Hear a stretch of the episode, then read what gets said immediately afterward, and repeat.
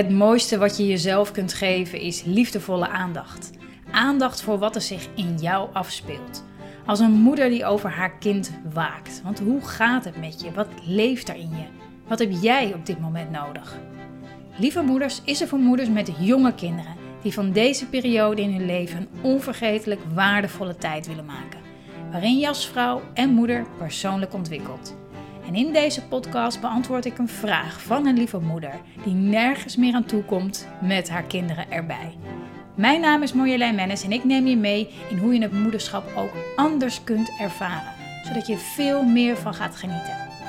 Welkom bij podcast aflevering 55.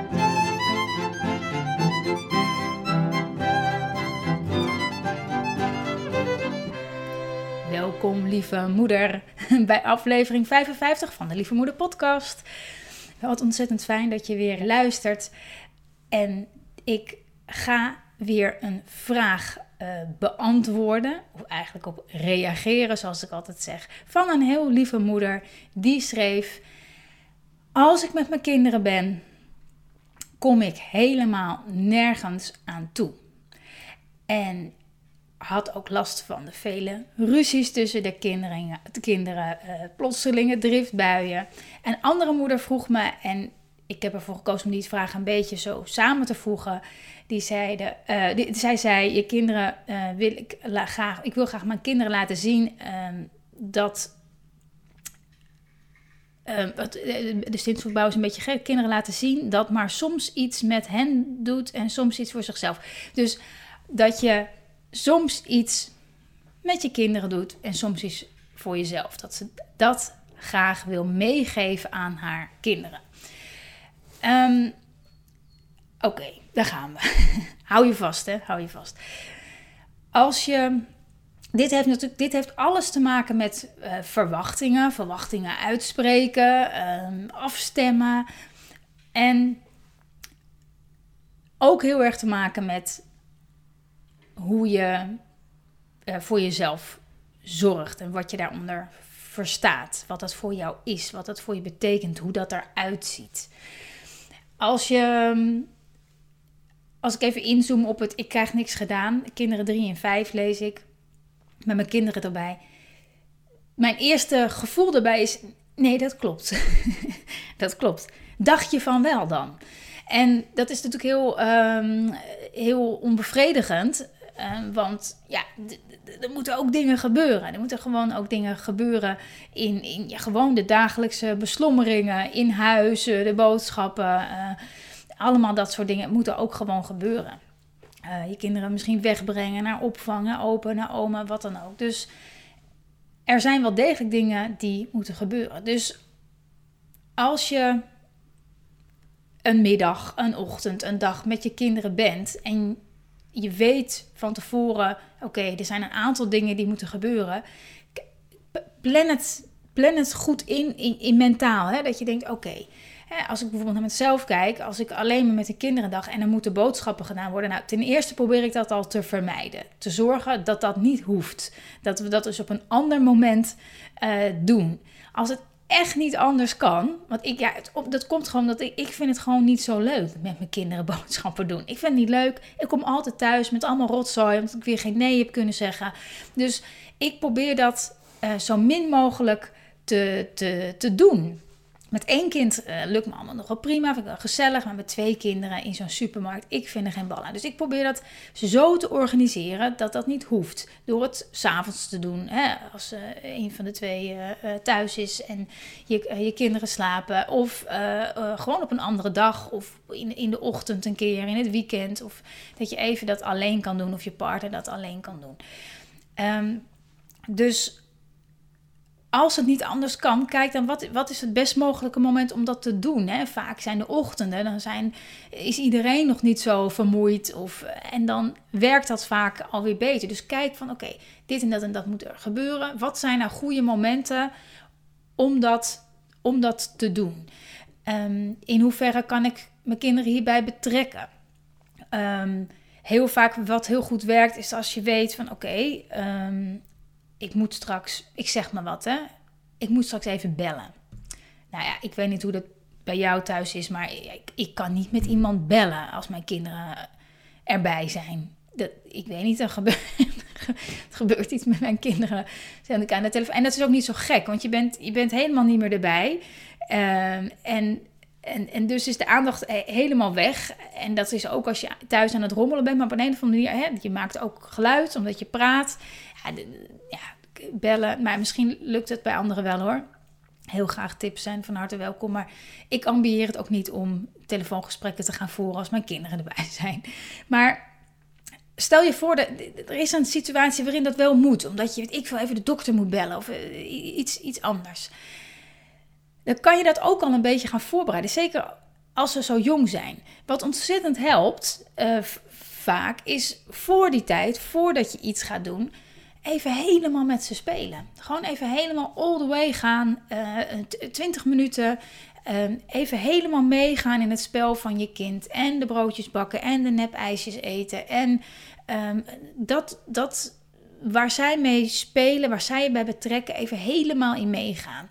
En als je er twee hebt, dan, moet je een beetje van de links naar rechts schuiven. Dat is soms natuurlijk ook een beetje uh, jong leren. Maar helemaal beschikbaar zijn, laat ik het zo zeggen. Even helemaal. Dus niet, niet, geen afleiding. Niet naar de wc. Uh, dat moet je even daarvoor doen of daarna. Uh, niet op je telefoon. Even helemaal met hun zijn. Als je dat doet, sowieso is dat enorm helpend om dat elke dag te doen met je kind. Omdat het nog heel veel meer voordelen heeft. Maar dan, dan, dan merk je dat ze even, uh, weer even vervuld zijn. Ze zijn weer even helemaal gezien en gehoord in hun behoeftes, in wat ze willen laten zien. Maar, kijk. Um, en, en, en vaak zie je dat ze daarvan wat meer gaan ontspannen. En het dan ook vaker mogelijk is om even, even iets te doen. Eventjes um, dat telefoontje te, te plegen of even iets in het huis te doen waar het handig is dat ze niet bovenop je zitten. Um, dus zo kan je daar mee spelen. Als je merkt dat je in een staat van zijn verkeert, die ongeveer in je hoofd of misschien wel hardop klinkt als: uh, ik moet toch ook gewoon eventjes kunnen, vul maar in moet toch gewoon even kunnen. Moet het toch gewoon even. Het moet toch gewoon. Jullie zijn drie en vijf, of hoe oud je kan ook zijn. Dat moet toch gewoon kunnen. Dan zit je in een soort. Um, ja. Machteloosheid, reddeloosheid. Een, een gevoel. wat je niet gaat helpen. om, uh, om, om te doen wat je wil. Omdat je eigenlijk al in een energie zit van. Um, mijn kinderen zien mijn behoeften niet. Of mijn kinderen die luisteren niet. Of mijn kinderen. Dus dan, verleg dan verschuif je eigenlijk de verantwoordelijkheid voor, um, voor je eigen gevoel, je eigen behoeftes. Die, die, die leg je eigenlijk bij je kinderen neer. Hè? En, en dat, dan, dan, dan kan je gegarandeerd uh, vuurwerk verwachten en strijd verwachten. Vooral strijd hier. Dus het begint natuurlijk allemaal met je verwachtingen. Als je verwacht dat je, dat je, dat je even uh, rustig op je computer wat uh, werk kan doen. Vervolgens even met iemand kan bellen. En daarna even lekker rustig met een boekje op de bank op je thee kan drinken. Met twee jonge kinderen om je heen. Dan zijn je verwachtingen te hoog. Dat lukt niet. Dat, dat, dat kan niet. Dus als je die behoefte wel voelt, dat je denkt, ja, dat moet toch kunnen? Nee, dat kan, dat kan niet. Nou, er zijn misschien een paar kinderen in de wereld bij wie dat wel lukt of zo. Um, maar bij verreweg de meeste gaat dat denk ik niet lukken. Dus als je die behoefte wel voelt, kijk wanneer je die behoefte op een ander moment dat het wel kan, wel kan vervullen. Soms heb je wel eens gedurende de dag dat je ineens dat ze ineens even spelen of uh, iets aan het doen zijn. Of dat je buiten bent en dat ze buiten spelen en dat je even lekker zo kan zitten. En even lekker uit kan blazen en even lekker rustig kan ademhalen. Of misschien wel een klein boekje, boekje of iets erbij of wat dan ook. Dat je zo even kan zitten. Um, dus zorg ervoor dat je voldoende aan je, in je eigen behoeften voorziet. In de avond, op vrije dagen of door uh, meer hulp in te schakelen als dat, als dat in ieder geval als dat een chronisch gevoel is. Hè? Als je dat elke dag weer tegenaan loopt. Kijk, als dat af en toe zo is, weet je, weet je natuurlijk. En dan, dan, dan voel je weer even, oh ja, dan ga ik weer. Ik, stap weer in mijn valkuil van altijd beschikbaar zijn, altijd maar er zijn. En ik heb iets te weinig of veel te weinig mezelf gedacht. Het is weer even tijd dat ik dit even voor mezelf ga organiseren. Oké, weet je, dan zie je het echt als een, als, een, als een alarmbel die afgaat. Als je merkt dat je gedachten krijgt of teksten uitspreekt als... jongens, dit moet gewoon even kunnen. Ehm, dus dat zijn alleen maar van die wake-up calls. Dus ga steeds na van hoe kan ik er maximaal voor mezelf zorgen. Um, überhaupt. Er zijn sommige dingen die zijn lastig te doen waar je kinderen bij zijn. Dus doe die, organiseer die voor jezelf als je kinderen er niet bij zijn. En dan zal je ook merken dat die dat dat gevoel van hè, dat jouw behoeften niet worden gezien, dat, dat, hè, dat je kinderen maar wat doen en, en niet rekening houden met jou, dan, dan, dan, neem, dan draag je weer zelf die verantwoordelijkheid. Ik neem, uh, ik hou rekening met mij. Hoef mijn kinderen niet voor te zorgen. Mijn kinderen hoeven niet voor mij te zorgen. Ik zorg voor mezelf, ik ben een volwassen vrouw.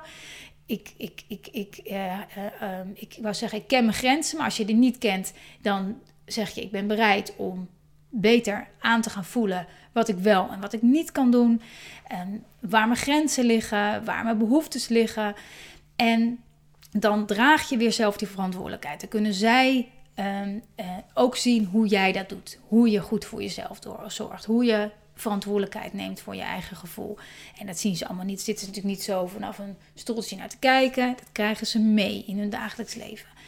Dus al met al, ehm, de vraag: ehm, ik kom helemaal nergens aan toe. Ehm, dat klopt. Dat klopt. Dus neem dit, dit hele verhaal mee. Doe weer een scan van je dagelijks leven, de behoeftes die je hebt. Uh, in hoeverre je zelf vervuld bent van dat wat je nodig hebt, zodat je überhaupt er ook kan zijn. Dat als er een dag inderdaad helemaal niks uit je handen komt. Omdat één, hele, één kind helemaal niet lekker in zijn vel zit. En een beetje dralend door het huis loopt. Nou, dan, hè, dan, dan weet je, oké, nou, dit gaat, dit, ik, die en die klusjes, dat gaat me niet meer lukken. Maar dat is oké, dan komt dat van de week. Of dan kan je daar veel meer bij ontspannen. Kan je veel meer overgeven aan het moment. Aan het moment.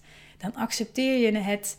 Hè, zoals, um, soms quote ik wel eens Dr. Chevali, Amerikaanse psychologen. Hè?